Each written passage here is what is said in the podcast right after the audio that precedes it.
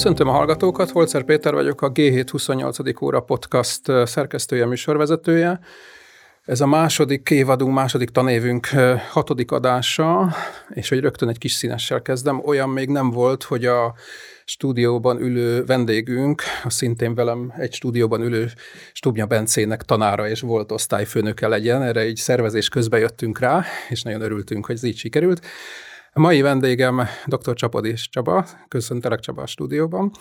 Azt kell Csabáról tudni, egyébként szerintem sokan ismerhetik, legalábbis arcról, mert az elmúlt években többször fölbukkant mindenféle internetes portálokon, amikor felvételi, előkészítő feladatok megoldása, vagy arra felkészülés, érettségi feladatok ezzel ennek kapcsán Sokan láthatták, különösen mivel, hogy ez a Covid időkben is volt, vagy akkor kezdődött talán, és, és ez azt hiszem nagyon sokat segített ennek a például annak a generációnak, akik mondjuk ma érettségiznek, ma ugye 8 hétfőn veszük fel az adást, ma kezdődnek az érettségik. Csaba sokáig tanított a közoktatásban matematikát, majd itt az elmúlt tizenpár évben az egyetemen, ugye, ha jól számoltam, tehát az eltetétékán matematikát, tanárképzéssel és általában matematikusok képzésével foglalkozott, illetve még mindig foglalkozik, és az elmúlt egy-két hónapnak ugye az eredménye, vagy a, a fejleménye, hogy a, az ELTE tanárképző központjának a megbízott főigazgató helyettese, és arra is fölhatalmazott engem, hogy megemlítsem, hogy most írja a pályázatát, mert most van kiírás alatt, vagy pály- most lehet pályázni a főigazgatói státuszra is írja is a pályázatát, és ennek kapcsán fogunk ma beszélgetni mindenféléről, ami a tanárképzéssel, meg ezzel a helyzettel kapcsolatban izgalmas. Ugye egy nagyon furcsa időket élünk. Ugye néhány nappal, egy héttel ezelőtt történt az, hogy a gyerekeket könygázaztak annak kapcsán, hogy, hogy ők azért állnak és azért tüntetnek, hogy legyenek tanáraik, és legyenek iskolák, akik, vagy legyenek olyan tanárok, akik őket tanítják, és mondjuk érettségire készítik föl és ez, erről sokat látunk, meg sokat tapasztalunk, miközben hát folyik a munka, ugye folyik az a típusú munka, hogy hogy legyen adott esetben modernebb a tanárképzés Magyarországon. Úgyhogy igazából Csaba, én arra szeretnélek kérni itt, hogy hogy itt az elején mesélj nekünk arról, hogy mi történt, miért kell átalakítani a tanárképzést, hogy mi történik most, mi történt az elmúlt egy-két évben, tehát milyen előkészítő munka folyt, és aztán erről kezdjünk el úgy belemenni a részletekbe. Köszönöm szépen a felvezetést, és én is köszöntöm a kedves hallgatókat. A tanárképzés valóban átalakult, újra átalakult, ugye ez nálunk szokás, hogy 5-6 évente átalakítunk mindent. Én most úgy érzékelem egyébként, hogy pont ez az átalakítás, ami most tavaly szeptemberben életbe lépett, ez egyébként éppen egy pozitív irányú változás. Én tényleg most már nyolc éve tanítok matematika tanárszakos hallgatókat, és van egy olyan kurzus, ami a, a képzés végén, a jelenlegi hatodik évben zajlik, úgy nevezik, hogy tanítás kísérő szeminárium, a, a hallgatók összefüggő iskolai gyakorlaton vannak, és közben az egyetemen beszélgetünk arról, hogy hogy megy nekik ez a gyakorlat. És én itt mindig megkérdezem, hogy tekint, visszatekintve a, a képzésre, hogy látják, mi volt jó, mi nem volt jó. És három olyan kritikával szoktak élni a hallgatók, ami, ami rendszeresen visszatér. Az egyik az, hogy nagyon hosszú a képzés.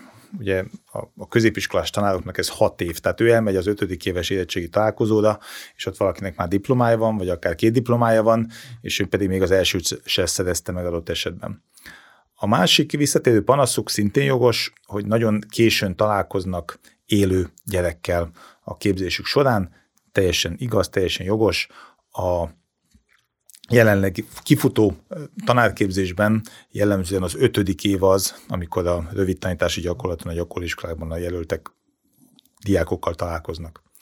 És a harmadik kritikus megjegyzés, ez már, ebben már picit megosztanak persze a vélemények, hogy nagyon sok és nagyon nehéz az a matematika tananyag, amit nekik tanulniuk kell. Ugye én matek tanárokkal foglalkozom, nyilván ez lehet, hogy behelyettesíthető a megfelelő tantárgyal más szakokon, és, és az a helyzet, hogy, hogy ez, a, ez az új tanárképzési rendszer, aminek a egyik fő jellegzetessége az, hogy egységesen öt éves, ugye jelenleg öt éves a felső tagozaton tanítóknak és hat éves a középiskolában tanítani akaróknak, ez egységesen egy öt éves képzés. 2022 őszétől. Tartalmilag a legfontosabb változás az, hogy, hogy rengeteg új típusú gyakorlaton vehetnek részt a hallgatók már az első évtől kezdve. És az első két évben összesen három különböző kurzuson úgynevezett pályaszocializációs gyakorlatokat végeznek. Az iskolákban ez a pedagógiai és pszichológiai kard alá tartozik általában a, a különböző egyetemeken ez a három kurzus. Utána az egyes szakjaikon, ugye általában jellemzően kétszakos tanárokat képzünk, egy-egy fél évben az egy-egy szakon egy-egy úgynevezett csoportos tanítási gyakorlatuk lesz, ez egy teljesen új gyakorlat, erről még csak na, elképzeléseink vannak, azt látjuk, hogy nehéz lesz megszervezni, és hogy, és nagyon izgalmas lesz, de, de ez még nincs, nem lépett életbe. És utána jön majd a már megszokott rövid tanítási gyakorlat és az összefüggő tanítási gyakorlat. Tehát elmondható, hogy a, az egész képzésük során látnak majd gyerekeket már rögtön az első évtől kezdve. Csak hogy ezt pontosítsuk, Ugye az alapján, amit én hallok, ez azért jó, mert mondjuk nem öt év után jön rá a hallgató, hogy ő mégse akar tanár lenni, mert nem tud mit kezdeni a gyerekekkel, hanem adott esetben egy év után, két év után ez kiderül számára. Ez így van. Szívesen beszélek majd arról, hogy hogy, hogy látom a, az egyetemen lévő hallgatók elköteleződését uh-huh. a tanári pálya iránt, de, de valóban ez is, egy, ez is egy fontos szempont, amit, uh-huh.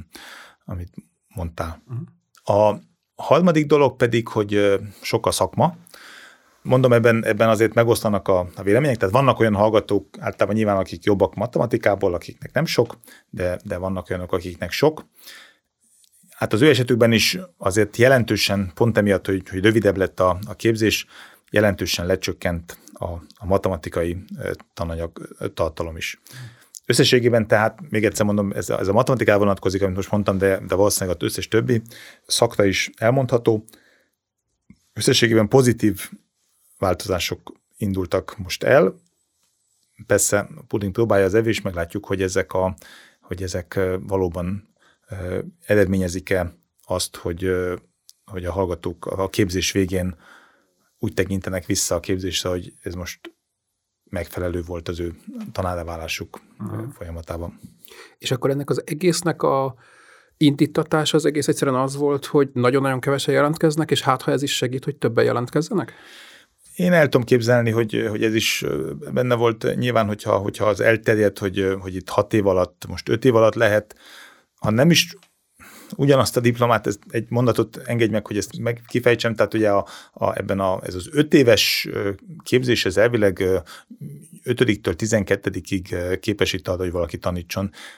Hivatalosan nem érettségiztethet emelt szinten az, aki ezt a diplomát megszerzi, és hivatalosan egy, egy külön plusz egy éves képzés alatt majd a tanár, tanításból visszajöve szerezhet meg egy olyan úgynevezett szaktanári képesítést, amitől ő majd emelt szinten érettségiztethet. Meglátjuk, ilyen még ugye, ez még, ez még odébb van, mert, mert hiszen most indult el az első év tavaly szeptemberben, hogy ez valóban a gyakorlatban hogy fog működni. Minden esetre ez, egy, ez, egy, ez lehet egy, egy vonzóbb képzés azok számára, akik gondolkodnak azon, hogy milyen pályára menjenek. Uh-huh. És csak, hogy jobban értsem, vagy hogy a hallgatók jobban értsék, hogy akkor ez ezt jogszabály alapján, vagy ezt az ELTE csinálja magának, illetve hogy ez csak az ELTE, vagy mindenféle más egyetemek is, illetve hogy ez mondjuk csak ilyen matek és természettudományok, vagy az angoltól az énekig minden, hogy akkor mi a kontextus? Igen, tehát ez egy egységes koncepció az egész ország összes egyetemére nézve, tehát mindenhol ugyanebben a formában zajlik őszóta a tanárképzés. De valami jogszabály íródott át, vagy, vagy az egyetemek közösen kitalálták, hogy akkor innentől így legyen, vagy igen, a, a, a munka, azért tudom, mert, mert benne voltam a matekos Igen. képzési követelmények összeállításában, a munka az valóban úgy zajlott, hogy összeültek a különböző egyetemek szakemberei, ugye ez megint csak covidos időszak volt, tehát jellemzően online, és, és, és valóban megalkották, megalkottuk azt a kimeneti követelményrendszert, ami mentén a, a, a képzés folyik. Ugye ez fontos, hogy egységes legyen az átjárhatóság miatt, hogyha valaki egyik egyetemtől a másikra akarna átmenni. Úgyhogy ez, ez megvalósult, és hát természetesen voltak központi direktívák arra vonatkozólag, hogy, hogy milyen irányban kell az átalakítást megtenni, vagy milyen keretek között kell ennek a tanárképzésnek működnie, de, de azért ezeken a kereteken belül az egyes egyetemeknek volt mozgástere. Pont nem olyan rég voltam Egerben egy olyan konferencián, ahol az összes tanárképző központ képviselői összegyűltek, és láttuk néhány intézménynek a gyakorlatát, és kiderült, hogy, hogy elég eltérő gyakorlatot követnek a, a, az iskolák, például ezeknek a gyakorlatoknak a uh-huh. kérdésében. De ez, ez mind belefér a keretbe, tehát ez nyilván... Ez De ugyanezek az alapelvek, hogy ilyen, igen, amiket elmondtál. Igen. Aha ilyen nulladik tapasztalatok. Értem, hogy, tehát, hogy, hogy most a legelső évfolyam van, de, de akkor ők már ebben a több ilyen, hamarabb látnak gyereket, meg több ilyen korszerűbb dolog van, hogy mit érzékeltek? Igen. Hát ebből azért még tényleg sok mindent nem, hiszen a, az első fél évük az gyakorlatilag ugyanolyan volt, mint a, mint a korábbi. A második fél évben voltak először ezeken a úgynevezett pályaszocializációs gyakorlatokon. Egyenlőre csak annyi visszajelzést hallottam, hogy, hogy ezek, ezek jól sikerültek, a, a hallgatók élvezték, és, és tanulságos volt. Ugye itt azért azt látni kell, hogy ők ezeken a, a képzéseken a, az iskolai életet ismerik meg, nekik még nem volt ez olyan rég, ugye, hogy egy, egy évvel korábban ők még iskolába jártak, tehát azért olyan nagy újdonságot számukra ez nem jelent, de biztos, hogy érdekes egy picit más szemszögből ránézni a, az iskolai mm, életre, és azt is fontos kiemelni, hogy a, ugye sok kritika éri a, a gyakorlóiskolai gyakorlatokat, hiszen mondják, hogy ezek, ezek távol vannak a, a valóságtól, beszélgethetünk majd erről is, is de, de most azért emelem ki, hogy ezek a pályaszocializációs gyakorlatok, ezek, ezek például kimondottan nem gyakorlóiskolákban Aha. szerveződnek. Igen, ez is lett volna az egyik kérdésem, de akkor, akkor vegyük ide, hogy a, valaki említette nekem, pont emiatt a felmenő rendszer miatt, hogy per most 23 májusában még nem minden teljesen világos, hogy mondjuk 23 szeptemberében a másodévesek, hogy mondjuk hova is mennek, milyen iskolákba ők, hogy fogadják őket, ott nem tudom, kell nekik ilyen mesterpedagógus, vagy tehát, hogy, hogy mi, mi zajlik most egyébként, ami, a, mondtad te is, hogy így haladtok előre a munkával, hogy most éppen itt mik a, a következő lépések? igen, a, az információ bizonyos értelemben helyes, de, de azt azért elmondhatom, hogy mire elkezdődik a szeptemberi képzés, minden rendesen ki lesz találva. Valóban most a tanárképző központban is pont a, a következő fél évi pályaszocializációs gyakorlatokat tervezzük. Mondom, ezek teljesen új forma, ki kell találni, az iskoláknak is új, nekünk is új, uh-huh. tehát ezzel egyszerűen szervezési dolgok vannak, de, de biztos, hogy mire elindul a fél év addigra minden a, a helyén lesz. Azt hiszem, hogy ez volt a kérdés. Igen, nagyjából ez volt a kérdés. Igen. De hogy akkor hogy képzeljem, hogyha én most elsős, szeptemberben másodéves hallgató leszek, akkor mondjuk mennyire van nekem szabadságom abban, hogy hova szeretnék menni ilyen iskolákba, csinálni ilyen-olyan, nem tudom, gyakorlatokat, érzékenyítést, ilyesmit, vagy, vagy mennyire küldenek? Értem, tehát a, ha jól tudom, ez a rendszer, ez úgy néz ki, hogy a, a legalábbis nálunk az eltén, de azt hiszem, hogy ebben az iskolák, az, az egyetemek általában megegyeznek, hogy ugye egy, jelentkezek egy kurzusra. Jellemzően a, a hallgatóknak ugye nagyon bonyolult az élete manapság. Egy, ha elképzelünk egy kétszakos uh, tanárszakos hallgatót, neki a, mondjuk tegyük fel egy mai népszerű szakpárosítás meglepő módon mondjuk az angol matematika tanárszak. Ugye ez régen mindenki matfizes volt, most már ez, ez rég nem igaz. Nagyon sokszor az egyik szakja bölcsész, a másik uh-huh. TTK-s, természettudományi. Ugye a bölcsészkar az Asztóriánál van Budapesten, a TTK Lágymányoson, és a, ez a pedagógiai, pszichológiai kar pedig a Kazinci utcában, az Asztóriához éppen viszonylag közel. Na most ő egész nap ingázik Asztória és Lágymányos között, fog kapni időpontokat, amikor a, ő elmehet ezeket a pályaszocializációs gyakorlatokra. Az, az alapján fog választani, hogy mikor ér rá. Ugye látja az órendjét, hova tudja beilleszteni, ez egy elég hosszú, egy négy órás elég nehezen kezelhető blokkot jelent az ő órarendjében. Tehát egy órás per, per hét? Vagy? Igen, igen, egy négy órás blokk per hét, mert ugye hát oda kell menni az iskolába, ott foglalkozás van, a foglalkozás meg kell beszélni, vissza kell érni, tehát így kell mondjuk ez egy, pont ez a következő fél évben déltől kettőig fog tartani ez a, jól mondom, nem, déltől négyig, 12-től 16 óráig fog tartani egy ilyen kurzus, mert itt ebben a második félében azt is nézik a hallgatók, hogy milyen iskolán kívüli programok vannak az iskolában. Például ez most ennek egy fókusza lesz ennek a második fél és akkor ezért egy kicsit a délutánba csúszik be értelemszerűen a, az idősáv. Tehát ő, ő választ időpontot, és utána bekerül egy csoportba, és a csoport 15-20 fő el fog menni majd egy, egy iskolába, és ott órát látogat, tanárokkal beszél, gyerekeket lát, munkaközösségeknek az életét vizsgálja. Tehát tényleg, tényleg azt gondolom, hogy ez egy, ez egy olyan terület, ahogy a neve is mutatja, hogy tényleg aki pedagógus szeretne lenni, azt jól felkészíti arra, hogy jó, eddig diákként láttad, hogy milyen egy iskola, de most nézd meg egy kicsit a másik oldalról, és valóban, hogy az elején említetted, ez, ez segít abban, hogy, hogy, hogy eldöntest, hogy valóban ezt szeretnéd Aha. csinálni. És akkor az eltének van egy listája a partneriskolákról, és lehet válogatni köztük, vagy? A, a válogatást abban az értelemben lehet válogatni, hogy tehát a diáknak nem lesz választás, mert azt a, a, a, az a PPK-s oktató ki fogja találni, hogy ő melyik iskolába szeretne menni. Tehát a, a hallgató bejelentkezik mondjuk szerdán egy kurzusra, valamelyik oktatóhoz, Aha. akkor ők elmennek valamilyen iskolába. Ja, értem. Oké. Okay. Ilyen értelemben, tehát valamilyen választása van, de azt nem ő fogja megválasztani, hogy aztán melyik iskolába csinálja ezt. De most ez alapján, amit mondtál, hogy mennyire sűrű az élete a hallgatónak, ők továbbra is mondjuk egy budapesti iskolába fognak nagy valószínűséggel menni. Persze Pesten is vannak ilyen meg olyan iskolák, de ugye a, az igazán súlyos iskolákat, hogy így mondjam, nem nagyon fogják elérni így a hallgatók, ugye?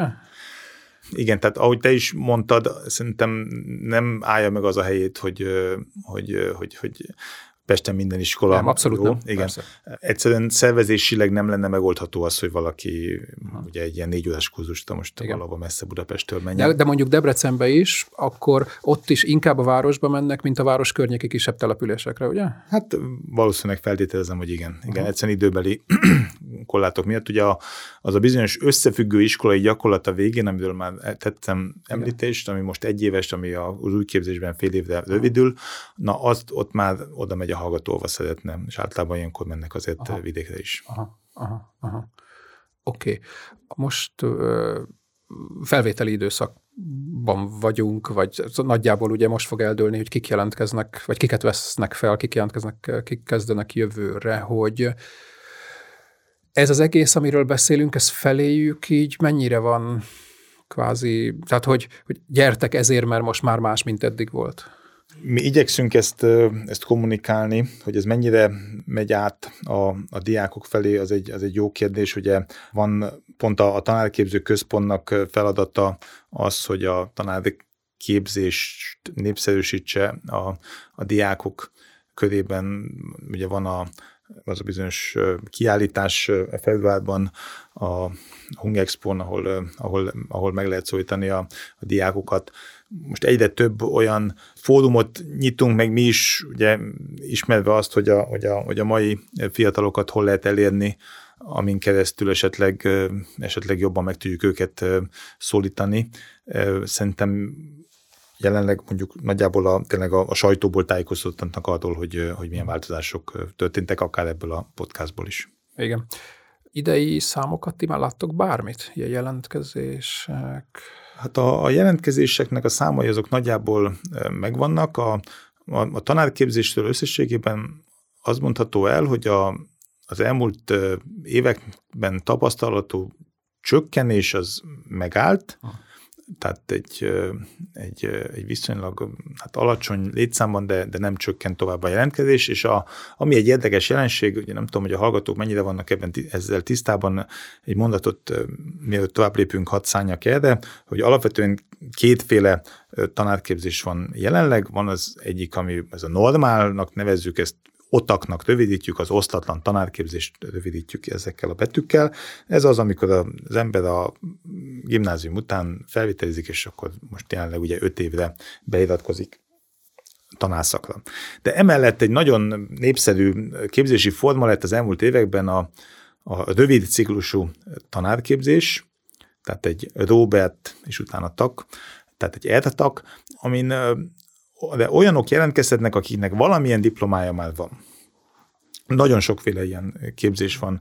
Lehet alsó tagozatos tanítói diplomával ilyenre jelentkezni, lehet korábbi főiskolai diplomával ilyenre jelentkezni, de lehet teljesen a, a tanárságtól különböző pályáról ilyenre jelentkezni. Jól meghatározott köre van azoknak a diplomáknak, amikkel egy ilyen képzésbe be lehet jutni, és ilyenkor egy vagy két év alatt lehet egy új tanári képesítést szerezni, attól függően, hogy, hogy melyik képzés. Igen, erről már beszélgettünk itt korábban a műsorban, korábbi beszélgetésben, hogyha valaki mondjuk vegyész, akkor ő a pedagógiai skilleket kapja meg mondjuk két fél év alatt, vagy, vagy más esetben négy fél év alatt, hiszen a szakmát már tudja.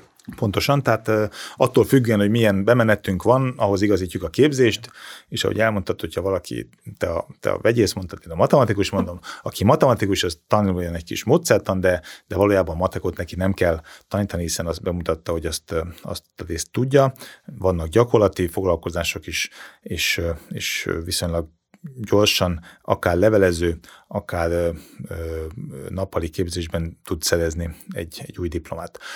Tehát ez volt a zárójeles megjegyzés, és akkor ö, tehát a, az, az otak iránti érdeklődés az szolidan csökken, viszont ez a... a új... Bocsánat, az idei jelentkezésekben is? Igen, igen, tehát uh-huh. az össz, összjelentkezés tekintetében. Uh-huh. A az eltakos jelentkezők száma viszont valamilyen ejtés oknál fogva nő. Tehát és ezért összességében azt lehet mondani, azért mondtam az imént, hogy összességében a, a tanárszakra jelentkezőknek a száma az, az nem változik, mert ez a két ellentétes mozgás ezt, ezt kiegyeníti egymást, legalábbis az ELTE tekintetében ez biztosan így van, de azt hiszem, hogy a többi intézmény is Aha. ezt mondhatja el magáról, mm. és, és hát ezzel kapcsolatban ugye azt kell azért látni, hogy hogy ezeknek egy jó része olyan hallgató lesz, aki valamilyen másik szakos tanári diploma mellé szerez egy újabb Aha. tanár szakot. Az két fél év? Az négy fél év, mert ugye nekik jellemzően ja, mondta, hogy nekik szaktárgyat is okay. kell tanulniuk. Igen. Ez nem új pedagógusokat jelent a pályán, Igen. hanem olyanokat jelent, akik adott esetben a történelem helyett matematikát szeretnék tanítani, és ezért akkor történelmet lehet, hogy nem fognak tanítani. Tehát örvendetes dolog az, hogy, hogy, hogy sokan szeretnének tanárok lenni. Szerintem az is örvendetes, hogyha valaki 40-50 évesen még úgy érzi, hogy ő, ő szívesen tanul és, és képzi magát egy másik tantárgyból, mert úgy látja mondjuk, hogy nem tudom, természettudományos tanára nagyobb igény van, mint magyar tanára, és akkor ő átképzi magát. Tehát ez, ez jó, de hogy, hogy ettől még azért nem fog megoldódni a, a pedagógus hiány, az is azért Igen. És ha jól értettem, mert már tavaly is gyalázatos számok voltak, de mondjuk a 18 évesek körében, akik most végeznek mondjuk középiskolában, még ahhoz képest is egy picit alacsonyabb a jelentkezés. Igen.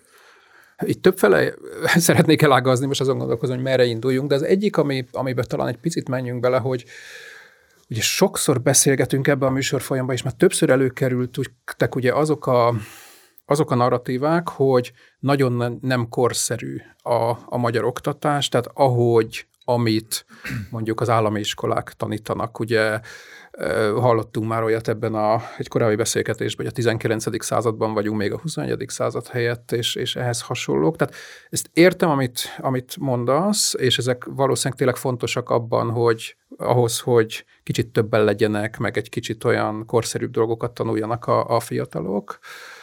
De hogy valójában mennyire közelítünk ahhoz, amit ilyen, úgy szoktunk mondani, hogy akorszerű a 21. századi. És ezt úgy is kérdezem tőled, mint aki ennek a tanárképzésnek így a eléggé központi figurája vagy. Igen, hát ez egy nagyon jó és nehéz kérdés. A tanárképzésnek is ugyanaz a nehézsége, mint, a, mint az egész oktatási rendszernek, hogy ez egy, hogy egy eléggé lassan mozduló hajó. Hogyha mondjuk mi most itt május, 2023. május elején kitaláljuk azt, hogy már pedig látszik, hogy a világ abban az irányba alatt, hogy banánhámozást kell tanítani mindenképpen a, a felnövekvő generációnak, akkor hát gondoljuk át, hogy mi minden kell ahhoz, hogy ez a banánhámozás ez a gyakorlatban megvalósuljon. Ugye ehhez ki kell találni egy tantervet, tankönyveket kell hozzá készíteni, ha 20. századi akarok lenni, ha 21. századi, akkor digitális taneszközöket, akkor ki kell hozzátalálni egy tanárképzést, az a tanárképzést meg kell hirdetni, azt el tudod képzelni, hogy egy egyetemen mennyi idő alatt fut át egy ilyen új képzésnek a, a szisztémája, és akkor jelentkeztetni kell, és akkor stb. stb. Tehát, hogyha most mi ezt kitaláltuk, akkor jó eséllyel mondjuk a banán hámozásnak a tanítása az el tud indulni 2033-ban, legkorábban, hogyha, hogyha nagyon jók vagyunk. Na most ugye meg tudod nekem mondani azt, hogy tíz év múlva mire lesz szüksége a gyerekeknek? Hát én nem tudom megmondani, mert olyan gyorsan változik a világ. Jó, persze bizonyos dolgok nem változnak, de, de bizonyos dolgok még nagyon gyorsan változnak, és, és ezért ez egy, ez, egy, ez egy nagyon nehéz kérdés tartalmilag, hogy, hogy mit tanítsunk a, a, a hallgatóknak. Az nem egyetem. a mit, hanem a hogy, bocsánat, hogy itt közbeszólok, a hogyan. Tehát ugye, ugye azt szoktuk hallani, és kettőnk között az egyik különbség, hogy én nem vagyok tanár, de azért sok mindenkivel beszélgetek, hogy a, ezek a készségek, ugye ez a csoportba, a projekt, a nem frontálisan tanítjuk őket, stb. stb. És erre persze mindig hallom, hogy ez azért nem pont így van az iskolákban, de azért szerintem még nagy mértékben még mindig úgy van, ahogy én tanultam 50 évvel ezelőtt, vagy 40 évvel ezelőtt, hogy ez nem arról szól, hogy kitaláljuk, hogy 10 év valamire lesz szükség, hanem hogy ezt az egész izét fordítsuk abba az irányba, nem? Igen. A tanárképzés sem van mit javítani. Én most azt tett, tűztem ki magam elé célul, uh-huh. hogy, a, hogy kihasználjuk ezt az új, ezt a változást, és a matematika tanárképzést legalábbis, mert ugye erre volt eddig jobb rálátásom, azt, azt tartalmilag és módszertanilag is megújítjuk. A, az én állandó mondásom az az, hogy, hogy, hogy tanítsuk úgy a hallgatókat, ahogy szeretnénk, hogy tanítsanak. Ugye, hogyha ha a hallgató az értelmen azt látja, hogy arról szól az analízis óra, hogy bejövünk, a tanár lenyomja az elméletet az előadáson, utána átmegyünk a gyakorlatra, ott kapunk tíz darab feladatot, azt magunkban megoldjuk, esetleg a tanár elmagyarázza, amit nem tudunk, kapunk házi feladatot, jövő héten megint bejövünk, a hatodik héten ZHT a tizenkettedik héten ZHT hogyha én ezt látom az egyetemen, hogy, hogy ott így tanítanak, akkor, akkor én azt fogom gondolni, hogy, hogy hát ez a, ez a matematika tanítása. És ez igaz sok minden másra is. Tehát most nekem nincsen ráhatásom oda, hogy analízisből mit tanítanak a kollégák, persze mondhatom nekik meg javaslatok, de mondjuk a módszertani tárgyakra van ráhatásom. Ott most elindult ez a folyamat, hogy megújítjuk a, azokat, a, azokat a kurzusokat, amelyek módszertaniak. Azt el kell mondanom közben, ami egy általános probléma, hogy a, a tanárképzésnek nagyon-nagyon kicsi része a módszertan.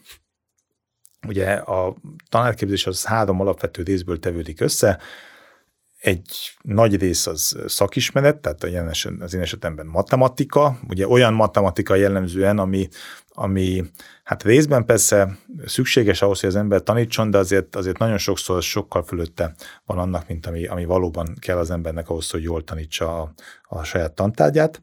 Tehát van egy, egy nagy rész szaktárgyi ismeret, van elég sok pedagógiai és pszichológiai ismeret, ami persze szintén fontos, a hallgatók azok, azok egyre többször számolnak be arról, hogy, hogy olyan gyerekekkel kell foglalkozniuk, amihez nem értenek. Tehát ugye olyan idézőben papíros gyerekekről beszélünk BTM-en, vagy esen is diákokról, ahol, ahogy, hogy nincsen meg a kellő asszisztencia ehhez a, a, a főleg a, a kezdő pedagógusoknak, zárja bezárva, tehát csak arra utalok, hogy, hogy fontos a, fontosak ezek a pedagógiai és plusz akkor egy zárójel, én is hagyj hogy jellemzően az iskolában nincs ehhez segítő, nincs ehhez pszichológus, tehát senki nem segít. Igen, az asszisztencia igen, igen, így van. Igen. És akkor ilyen futottak még kategóriában, ott van egy kis matematika szakmódszertan, ez, ez tényleg, tényleg nagyon kevés ahhoz képest, mint amennyi időt a, a, a hallgató az egyetemen tölt. Én azt szoktam kitűzni célul, mert sok ilyen szakmódszertani órát tartok, hogyha már egy-két üzenetet én át tudok juttatni a, a hallgatóknak, már az is jó. Hadd mondjak el egy, egy történetet erről a saját életemből. Amikor én matematika tanárnak jelentkeztem, akkor azt gondoltam, hogy hát a matematika tanárság képzés az arról szól, hogy bemegyünk az egyetemre, és ott az elejétől a végéig végigvesszük azt, hogy mit kell tanítani. És, és elvégeztem a matematika tanárszakot az elténé magam is, és, és minden jó volt, sok jó érdekes dolgot tanultam, de azt pont, hogy hogyan kell az elejétől a végig végteni a matematikát, azt pont nem tanultam meg. Mm. És ez, és ez, ez belátható, hogy ez, ez most sincs nagyon másként. Mm. Nincs rá idő, nincs rá idő. Tehát el, egyszerűen kevés a, a, a kurzus ehhez, és ezért én azt szoktam mondani, hogy, hogy, hogy jó, én se kaptam meg, ki tudtam magamat képezni, fel tudtam készülni arra, hogy mindent megtanítsak, amit kell, de hogy de egy szemléletet szeretnék, szeretnénk átadni a, a hallgatóknak, mert hogyha ő azzal a szemlélettel hagyja el az egyetemet, hogy, hogy általában hogyan nyúljunk hozzá egy új témakörhöz, egy új fogalomhoz, egy tételhez, ha, ha, ha megtanítjuk azt, hogy hogyan építsen fel egy órát, milyen módszereket alkalmazhat, hogyan differenciálhat, tehát ha ezeket el tudjuk neki mondani, akkor, akkor esély van arra, hogy ő úgy hagyja el az értelmet, hogy aztán ezeket majd azt, amit nem tudtunk megtanulni neki, hogy most ténylegesen akkor a tálesztételnek a bevezetése az hogy célszerű, vagy a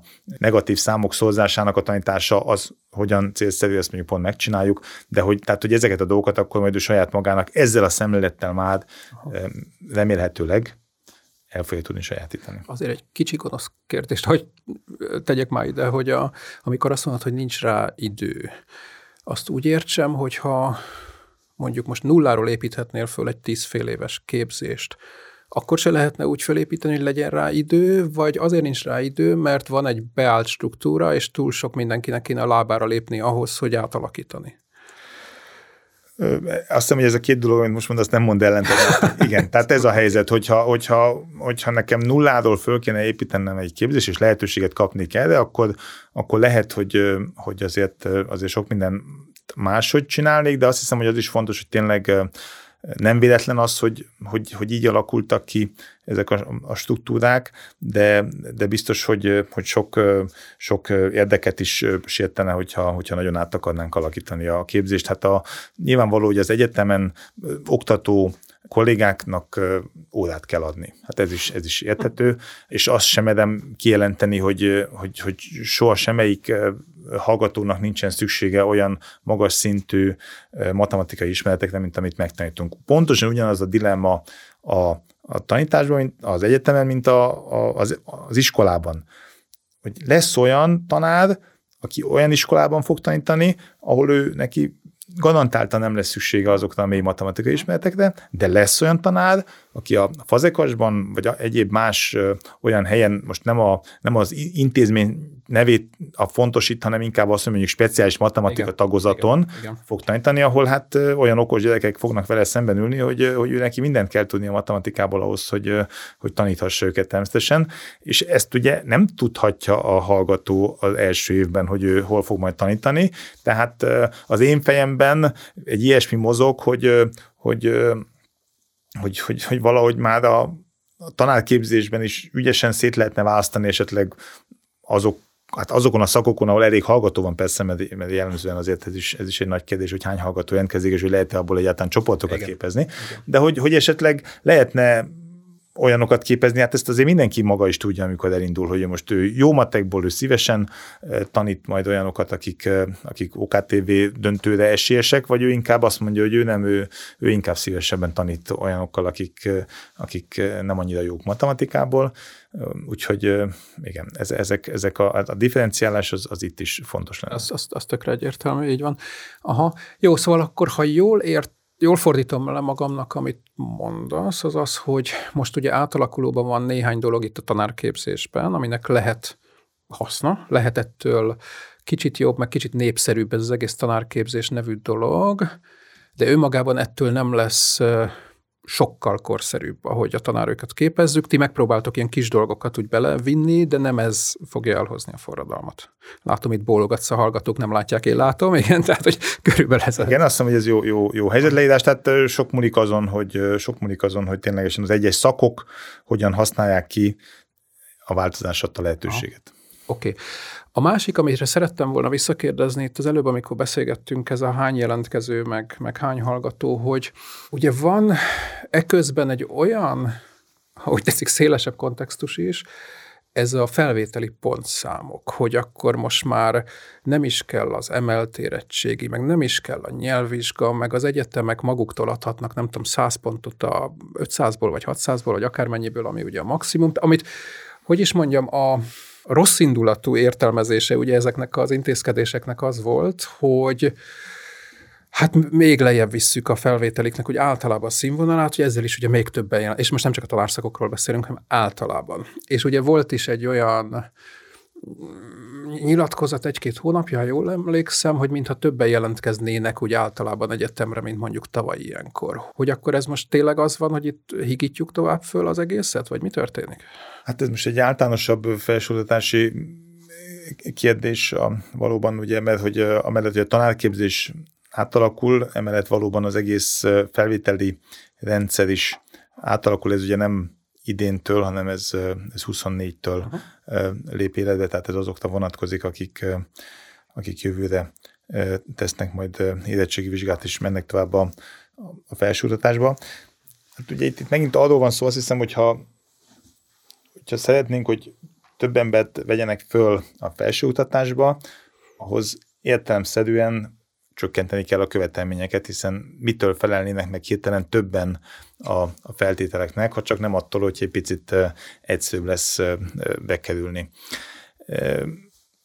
Én, én nem, tehát én, én szoktam ezen gondolkodni, ugye én benne voltam abban a csapatban, akik a, az új matematika kerettantervet raktuk össze, és, és sokszor ért minket az a vád, csökkentettük a, a mindenki számára kötelezően megtanítandó matematika tananyagot, és sokszor élt minket az a vád, hogy csökkentjük a, a színvonalat, és ezzel a, a nemzet elbutítását. Egyébként ez más tárgyaknál ugyanígy volt, nem igen. csak mateknál, igen. Miközben én, én ilyenkor mindig azt mondom, hogy, hogy meg kell nézni, hogy amik, amit most amit matematikából tanítunk, az, az körülbelül ugyanaz, mint amit száz éve tanítottunk, Aha. sőt, inkább egy kicsit többet tanítunk. De száz évvel ezelőtt a népességnek a 4-5 százaléka tett érettségi vizsgát, most pedig a 60 százalék. Most ezen lehet vitatkozni, hogy ez jó vagy nem jó, de ez a helyzet világszerte egyébként, tehát ez nem csak nálunk. Nyilvánvaló, hogy ez a szélesedése a képzésben résztvevőknek az nem jár azzal, hogy ők ugyanolyan háttérrel és ugyanolyan képességekkel rendelkeznek, tehát, tehát igazítanunk kell a, a, a, a követelményeket a, a szélesebb közönséghez. Én szerintem ez önmagában nem baj. Én sokkal inkább a differenciálásban uh-huh. látom a jövőt, vagy a, a pozitívumokat, hogy, hogy, hogy az nem baj, hogyha ha, ha alacsonyan húzzuk meg a, a belépő szintet, utána a képzés az legyen színvonalas, és, és mondjuk a tanárképzésben is csináljuk azt, hogy akik, akik olyan helyen akarnak tanítani, ahol többet kell tudni, akkor őtőlük többet várjunk el, szemben azoktól, akik esetleg olyan iskolában fognak tanítani, ahol, ahol nem ez a helyzet. Tehát én, én önmagában attól nem tartok, hogy, hogy, hogy túlságosan lefelé nivellálna a, a, a rendszer. Uh-huh. Hát ezt majd meglátjuk, igen. Persze, persze. Lehet, hogy nem lesz igazam, ez kétség. Ezt majd meglátjuk. Jó, a Szerintem nem tudjuk most már tovább kerülgetni, hogy az elefántról beszéljünk itt a szoba közepén, hogy a, ez az egész, amiről itt beszélgetünk, hogy ennek tulajdonképpen mennyi a tétje, meg mennyi a súlya ahhoz képest, hogy ugye ma azért menekül mindenki a pályáról, illetve azért nem lép be senki, hogy kicsit itt sarkítsam, mert egyrészt nincsenek megfizetve, másrészt mert nincs, nincsenek megbecsülve, tehát látjuk, hogy mi folyik, és, és akkor még el szoktuk mondani, hogy egyébként autonómiája sem sok van általában a tanároknak, tehát hogy nagy, egyre inkább meg van kötve a kezük. E, ezt most ne is nyissuk ki szerintem, mert erről megoszlanak a vélemények, hogyha becsukja a, a tanterembe az ajtót, akkor mit csinálhat, meg mit nem. De az egész biztos, hogy nincsenek megbecsülve és nincsenek megfizetve.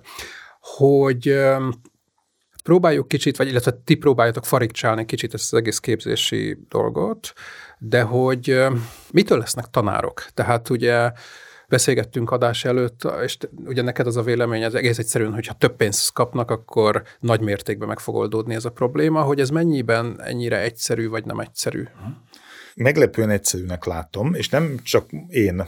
Volt a Magyar Tudományos Akadémián most idén télvégén, tavasszal egy előadás, az Erik Hanusek Amerikából, a Stanfordról jött, olyan közgazdász, aki az oktatás kutatja és, és ő neki elég fix álláspontja az a kutatásai alapján, hogy, hogy, a, hogy az országoknak a, a jóléte és a minőségi oktatás között nagyon erős kapcsolat van. És, és ő mondta azt, hogy, hogy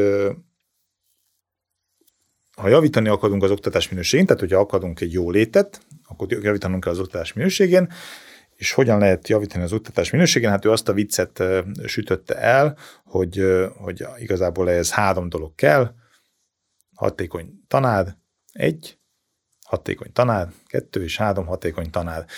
Tehát kicsit komolyabbra folytva a szót, még tovább egyszerűsítve, én szerintem a, jó oktatáshoz alapvetően jó tanárok kellenek. Én szerintem tényleg nagyon sok szeletét láttam a, a közoktatásnak mély meggyőződésem, hogy, hogy a, ha, ha vannak jó tanáraink, akkor szinte mindegy, hogy mit tanítunk, szinte mindegy, hogy hogy tanítjuk, szinte mindegy, hogy hol tanítjuk, ha vannak jó tanáraink. Persze most azt fogod kérdezni, hogy jó-jó, de milyen a jó tanár. És persze ez egy nehéz kérdés, és erre most biztos, hogy nem fogok tudni válaszolni, de, de megint csak, hogy, hogy a hanuseket idézzem, azt nagyon nehéz megmondani, hogy mitől lesz valaki jó tanár, de azt mégis meg tudjuk mondani, hogy valaki jó tanár vagy sem. Uh-huh. Uh-huh. Ezt, ezt, ezt mindenki a saját életére visszagondol, vissza tudja idézni azt, hogy ki volt jó tanár, és ki nem volt.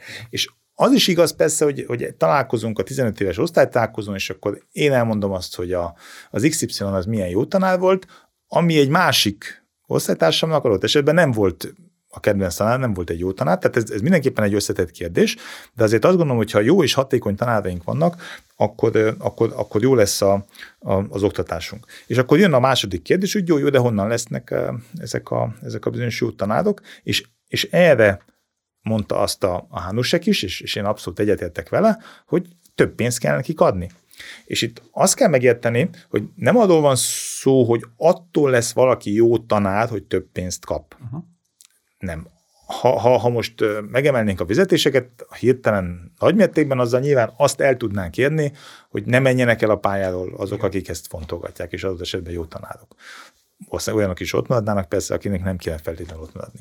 Az a helyzet, hogy hogy ha, ha megemeljük a, a, a, a tanári fizetéseket, akkor nemes egyszerűséggel olyan középiskolás diákok, akik most nem a tanári pályát választják, de nagyon okosak mondjuk, vagy nagyon jó tanárok lehetnének belőlük, azok is megfontolnák azt, hogy tanárok legyenek, sőt, meggyőződésem, mert, mert azért azt, azt én látom, hogy ez egy rettenetesen jó szakma, és egy nagyon jó hivatás, tehát nagyon sokan választanák a tanári pályát, és, és az a helyzet, a, a kutatások azt mutatják, hogy, hogy azokban az országokban, ahol mondjuk Finnországban, ahol nagy presztízse van a, a tanításnak, ott, ott egészen kiváló diákok mennek tanárnak, és, és emelik aztán később a, a, az oktatás színvonalát. Uh-huh.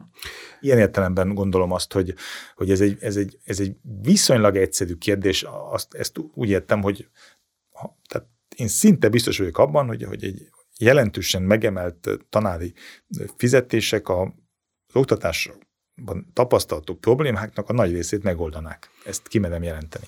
Nem mindent oldanának meg, de nagyon sok problémát megoldanának is kérdést. Jó részt egyetértek, tehát ugye ebbe a, a nagyon leegyszerűsített verzióba, hogy erre az én mondásom ez a szükséges, de nem elégséges feltétel szokott lenni. Tehát, hogy enélkül nem megy, de hogy, de hogy még ha most el, el is képzeljük, hogy holnapra kétszer annyit vagy háromszor annyit kapnak a pedagógusok, és akkor rögtön el lehet azon kezdeni gondolkozni, hogy akkor ezt egyformán mindenki, vagy inkább a fiataloknak nyomjuk meg az elején, hogy a pályára lép, és stb. stb. Tehát rengeteg kérdés, ami ezzel kapcsolatban van.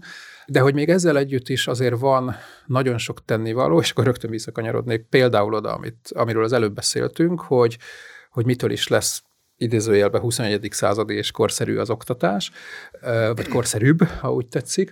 Meg akkor hagy, hagy kérdezzek már arra is rá, hogy ugye ebbe a rettenetesen sok ilyen furcsa dologban, ami történik mostában az oktatás környékén, és amiről azért az átlag új, napi újságolvasó is értesül. Ugye az egyik ez a mérni a tanárok teljesítményét. Ugye, ami most így fölmerült itt a sok minden között, és és, és elég sok körbe ki, kicsapta a biztosítékot, hogy hát de hogy, hát hogy képzeljük, hogy itt a például. Miközben azért, hát azért szokták mérni úgy általában az embereknek a teljesítményét a munkájába. Tehát ugye jól értem, hogy ha ez megvan, hogy mondjuk akkor van egy könnyített, tehát hogy ott a pénz, tehát érdemes oda menni, meg azt akarjuk, hogy jobb legyen, akkor azért valahol kéne tudnunk, amit te is mondtál, hogy ki a jó tanár, meg ki nem a jó tanár, és ki az, akinek mondjuk nem biztos, hogy a pályán kéne maradni a háromszor annyi pénzért, hogy erről úgy mi a világképet, hogy ez hogy lenne jó?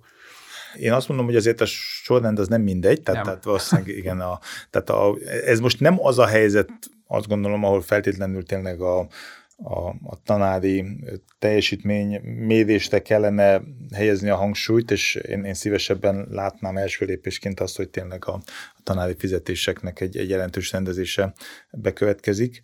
És egy pillanatra hadd kanyarodjak vissza még ehhez, mert ez egy fontos dolog, amit mondtál, csak aztán te is elkanyarodtál tőle, ez, a, ez hogy hogyan, ez a 21. századi Igen. tanítás, hogy ez, ez azért nekem nem teljesen egyértelmű, hogy ez mit jelent, hogy ez a 21. századi tanítás. Hogyha ez azt jelenti, hogy, hogy még többet nyomkodjuk a telefonunkat, most nagyon leegyszerűsítettem, akkor nem, nem értek alapvetően ezzel egyet.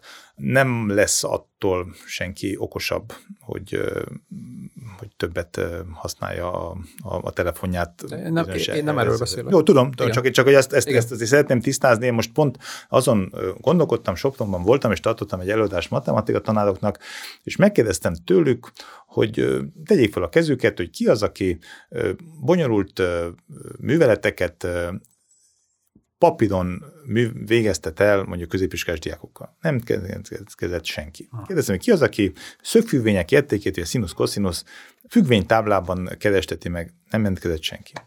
És akkor föltettem azt a kérdést, hogy jó, ki az, aki a szöveges feladatok megoldását a ChatGPT-vel csináltatja meg a gyerekekkel. És nem tette föl senki a kezét, és mélységesen föl voltak háborodva. És én megkérdeztem tőlük, hogy, hogy mi a különbség mert hogy nekem meggyőződésem az, hogy, hogy ezek, ezek valójában ez, ez, ez nagyon, nagyon közel vannak ezek a dolgok egymáshoz. Tehát a, a számológép az nagyon sok mindent kivett a matematika tanításából. Eltávolított minket a gondolkodástól, egyszer csinál, szívesen csinálnék egy olyan kísérletet, hogy, hogy a gyerekek kezébe olyan számológépet adok, ami teljesen rossz eredményeket ír ki, hogy, hogy egyáltalán föltűnik-e neki, hogy nagyságrendekkel más eredményt kap, vagy bármi. És meggyőződésem, hogy nem nagyon. És, és az, amikor a, a függvénytáblában bogadáztuk ezeket az eredményeket, akkor azzal önmagában tanultunk, és önmagában fejlesztettük magunkat. És, és, és ha, ha, ha erről szól a 21. század, akkor én ezért annyira nem vagyok oda. Ha arról szól a 21. század, hogy hogy nincsen szükségünk annyi ö, információra, hogy ö, amit úgy értem az információt, hogy azt mi adjuk át tanárként a, a, a diákoknak, hiszen a világ ebből a szempontból biztosan megváltozott. Hogyha ha arról szól a 21. századi tanítás, hogy, ö, hogy, hogy pont, pont amiatt, hogy, hogy egy csomó mindent meg fog csinálni a gép az életünkben, és tényleg, tényleg nagyon sok-sok feladatot el fog tőlünk venni, ez biztos. Hogy ehelyett akkor mondjuk foglalkozunk azzal, hogy hogyan kommunikálunk egymással, hogy hogyan uh, tudunk együttműködni, hogy, hogy, a, hogy, hogy milyen érzelmi intelligenciával rendelkezünk. Tehát egy csomó olyan dolog, ami, amit a gép nem tud megadni, hogyha, hogyha erről szól az, ami az, akkor azt mondom, hogy ezek, ezek, ezek fontos dolgok lennének, és nagyon hát el kell, hogy mozduljon ebbe az irányba az oktatás, hiszen a, hiszen a, a, a diákok nem fog, nagyon fogjuk tudni mással Igen. lekötni. Bocsánat, akkor valószínűleg túl rövid szavakat használtam. Nekem abszolút az utóbbiről szól, és nem, a, nem az előbbiről, és a szívemből beszéltél, mert ugye én is annak idején a fazekasba szocializálódtam, és négy jegyű függvénytábla, és stb. És én is azt gondolom, hogy nem azért fontos ez, hogy a szegény gyerek ott szívjon vele, hanem mert egy csomó minden ezen keresztül akkor ezt megbeszéltük, hogy mi a 21. század. És ebbe is egyetértek, amit mondtál, hogy, hogy először kell azt elérni, hogy ne meneküljenek a pedagógusok, illetve ne lépjen be senki, és, és, és utána, illetve inkább azt mondanám, hogy közbe kell azon gondolkozni, hogy, a, hogy, hogy mégis mit kezdünk, tehát mitől lesz ez egy átlagosan jó színvonalú szakma, tehát tényleg, hogy hogy ne fussunk. Ugye az egyik legelső beszélgetésünkön volt vendégünk Lannert Judit és ő is ugye amellett érvelt nagyon kőkeményen, hogy itt nagyon nagy hibákat lehet akkor elkövetni, hogyha egy, egész egyszer ráöntünk egy csomó pénzt a rendszerre a mai struktúrákban, és a mai adott esetben a mai szereplőkkel, a mai sok mindennel, tehát hogy, hogy vigyázzunk arra, hogy, hogy ne konzerváljunk egy csomó olyan dolgot, amit azért nem kéne. És ez lehet, hogy a második lépés, de, de inkább a másfeledik, mert különben aztán megint ez úgy elmarad. Ja? Ebben egyetértünk, csak nagyon nehéz az embereknek a, a, a tanári képességeit mérni. Ez egy nagyon nehéz dolog. Az egyetemen most szintén egy, egy hasonló folyamat zajlik, ahol az oktatókat értékeli a, a, az egyetem. Sokkal egyszerűbb dolog valószínűleg, mint a közoktatásban ugyanezt megcsinálni, mert kevesebb ember, stb. jobban behatárolható. De állandóan beleszaladunk abba, hogy ez hogy, hogy na, na, nagyon nehéz, hogy most mekkora súlyt adsz egy dolognak. Most én magam is én nem tartom magamat egy rossz tanárnak, ugye ennek a rész, értékelésnek része az, hogy, hogy a hallgatók mit gondolnak a, az emberről. A múlt fél évben általában elég jó értékeléseket szoktam kapni, a múlt fél évben beleszaladtam abba, hogy, hogy, hogy, hogy valaki egyesekkel végigszólta az egész kurzusomat egy-egy fél évnek a végén. Egy hallgató? Egy hallgató. Okay és, és, és, és elgondolkoztam, és, és rájöttem, hogy ott végén írt is egy megjegyzést, és abból kikövetkeztettem, hogy ő, hogy ő neki, nem tudom, hármast adtam, és, és, és valószínűleg megsértődött, mert, mert nem, lehet, hogy én, én bénáztam el valamit. Valószínűleg nem, tehát miután mindenki más ötöst adott a kurzusta, ő haragudott rám, és lehúzotta. Most, hogyha, hogyha hogyha ez egy, ez egy kis létszámú csoport, ahol, ahol egyetlen egy ilyen embernek a negatív értékelése az ennyire le tudja húzni az átlagot, akkor az, az dögtön az én értékelésemre és, és persze tudjuk a megoldást, mert lehet ezeket, le lehet vagdosni a szélét, meg stb. Tehát csak én nem azt mondom, hogy nem lehet megtalálni, csak hogy ez egy, és, és hónapokon át raktuk össze azt a táblázatot, az összes szempontot próbáltuk belevenni, hogy kinek milyen az oktatói munkája, a kutatói munkája, a szervezői munkája, miket veszünk figyelembe, mikkel mérünk, hogy most akkor egy, egy cikk az hogy számít, de nem minden cikk ugyanolyan, tehát hogy egy, egy, egy iszonyatosan komplex dolog volt a, a végén, és, és megint csak az van egy picit, amit, amiről már beszéltünk, hogy, hogy lehet, hogy egyszerűen mindenki tudja, hogy ki a jó tanár a végén. És ezért mondom azt, hogy ezt még én el tudnám képzelni, hogyha nem egy ilyen központi táblázat alapján kellene megítélni a tanárokat, hanem az igazgatókat megkérdeznék, hogy akkor ő döntse el, hogy, hogy ezt az adott pénzösszeget akkor hogyan differenciált az igazgató látja, ismeri a kollégákat, el tudja dönteni valószínűleg, hogy ezt, hogy ezt a pénzösszeget hogyan ossza el úgy, hogy, hogy ez tényleg megint csak ne a, az ellentéteket növelje a tantestületemből, hanem tényleg inkább egy olyan lehetőség legyen, amitől mindenki egy picit akkor jobban oda teszi magát a, a a tanításban, és egy javuló eredményt ér el az iskola. Igen. Nem könnyű ez, mert ugye ilyenkor mindig az jut eszembe, hogy és mi, hogyha mindenki jobb lesz. Mi lesz? Ú, az nagyon rossz lenne, ha mindenki, egyszer csak mindenki jobb lesz. Igen. Jó, abszolút egyetértek veled, hogy ez nagyon nem egyszerű és abban is nagyon egyetértek veled, hogy minél inkább központosítjuk, annál nagyobb hülyeség fog kijönni belőle, hogy ilyen finoman fogalmazzak. De ugye ebből a szempontból is érdekesek voltak a visszhangok. Tehát én például azok közé tartozom, amit te is mondtál, hogy, hogy miért ne tudná az igazgató a saját kis közösségébe azért mérlegelni, sőt, ugye hát a, a diákok visszajelzése, a szülők visszajelzése azért mégiscsak fontos. És ugye megint hallhattuk azokat a vissza, hogy nehogy már, mert az egy személyben az igazgató, és akkor majd basáskodik, meg nehogy már a szülő döntse el, hogy ki a jó tanár, meg így, meg úgy. Tehát, hogy ez is ilyen nagyon-nagyon visszás. Miközben, hogy mondjam, attól, hogy nehéz, attól én föntartom azt, hogy a, amint megoldottuk azt, hogy ugye lesz pénz, ami azért ne, nem úgy néz ki, hogy holnap lesz, akkor azért ez nagyon fontos, hogy, hogy akkor viszont tényleg haladjunk már abba az irányba. Te mondtad a film példát, ugye mindig el szokta mindenki mondani, hogy ne a film példa legyen már a példa Magyarországon, mert az ezer év múlva se lesz itt olyan, de, de azért vannak Portugália, nem tudom, néhány más ország, akár Lengyelország, akikre érdemes odafigyelni és vegyük át a tapasztalataikat, és egyébként nem tudom, hogy például ebbe, hogy, hogy mondjuk ott, ott hogy nézegetik, hogy ki a jó tanár. Én azt gondolom, hogy ilyen legjobb gyakorlatok azért csak vannak már ezekben az országokban, nem? Persze, én azt gondolom, hogy az alapvető hiány az a, az a tényleg a hosszú távú elképzelések az oktatással kapcsolatban, uh-huh. ami, ami nagyon hiányzik. Tehát, hogyha ha tudnánk azt, hogy hova szeretnénk eljutni, akkor, akkor ahhoz már, és, az, és az, én, én sok mindent el tudok fogadni, hogy, hogyha tényleg az a cél, hogy sokan járjanak egyetemre, akkor, akkor ez a cél. Ha az a cél, hogy legyen sok jó szakmunkásunk, akik megcsinálnak rendesen, meg tudnak építeni egy házat, akkor, akkor én ezt is el tudom fogadni, csak legyen valamilyen koncepció, amilyen irányba haladunk. Én, én, én leginkább ezt, ezt hiányolom a, az elmúlt időszakból, hogy, hogy, hogy nincs egy hosszú távú elképzelés arra vonatkozólag, hogy, hogy milyen oktatást szeretnénk. Ez egy elég jó végszó volt, Csaba. Köszönöm, hogy ezt elmondtad, mert hogy gyakorlatilag néhány adással előttünk járt, vagy előtted járt itt ugye Glovicki Zoltán nálunk, és gyakorlatilag pont ezt mondta, hogy nem tudjuk, hogy mit akarunk az iskolával, hogy annak mi a funkciója, és ennek az egész oktatási dolognak mi a funkciója, és és hát addig nehéz lesz bármit erre rárakni. Nagyon szépen köszönöm, hogy itt voltál.